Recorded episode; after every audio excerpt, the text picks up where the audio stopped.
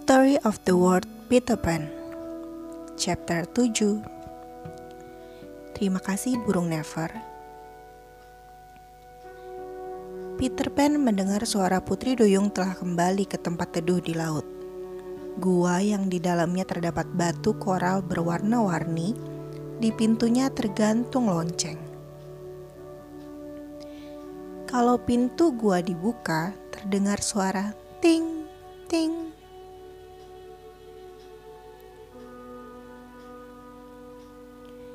Bersamaan dengan itu, air laut naik ke kaki.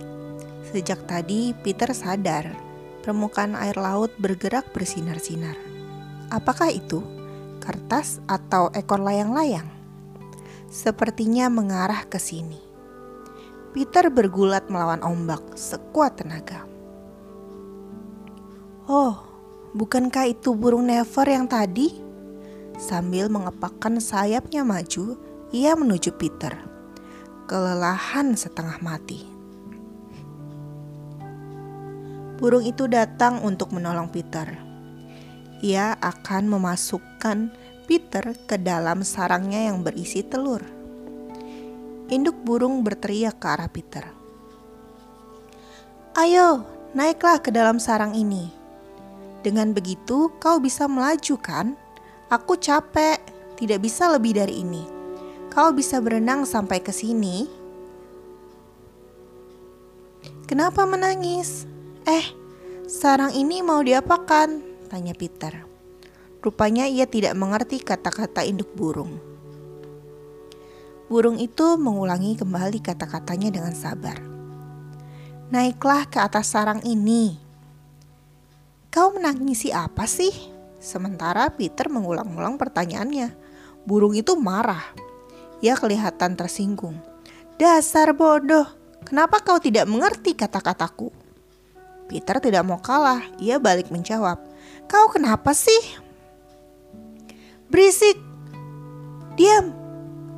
Namun si induk burung bertekad untuk membantu Peter. Ia mengumpulkan tenaganya yang terakhir, mendorong sarang sampai ke, ke batu. Meninggalkan sarangnya yang berisi telur, lalu terbang. Setelah induk burung melakukan hal itu, Peter mengerti. Akhirnya, Peter mengerti kebaikan hati si induk burung.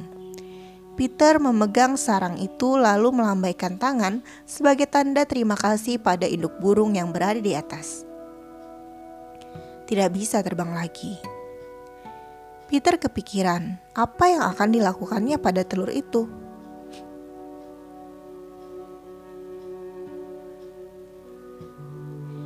Di dalam sarang ada dua butir telur putih yang besar. Peter mengambil telur itu dan berpikir, induk burung menyembunyikan mukanya dengan sayap, melihat telur telahirnya. Ia hanya bisa mengintip dari celah-celah sayapnya.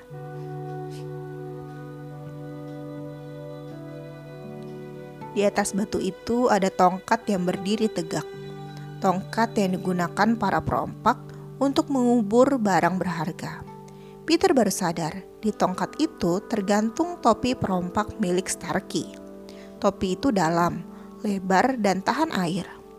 Peter diam-diam memasukkan telur itu ke dalam topi dan mengapungkannya di atas air sebagai pengganti sarang yang nyaman. Induk burung yang melihat hal itu bercuit gembira. Tidak henti-hentinya memuji Peter. Peter naik ke dalam sarang dengan bangga, mencabut tongkat itu sebagai ganti tiang kapal, menanggalkan kaosnya dan menggunakannya sebagai layar. Ketika melihat itu, induk burung melayang turun ke dalam topi.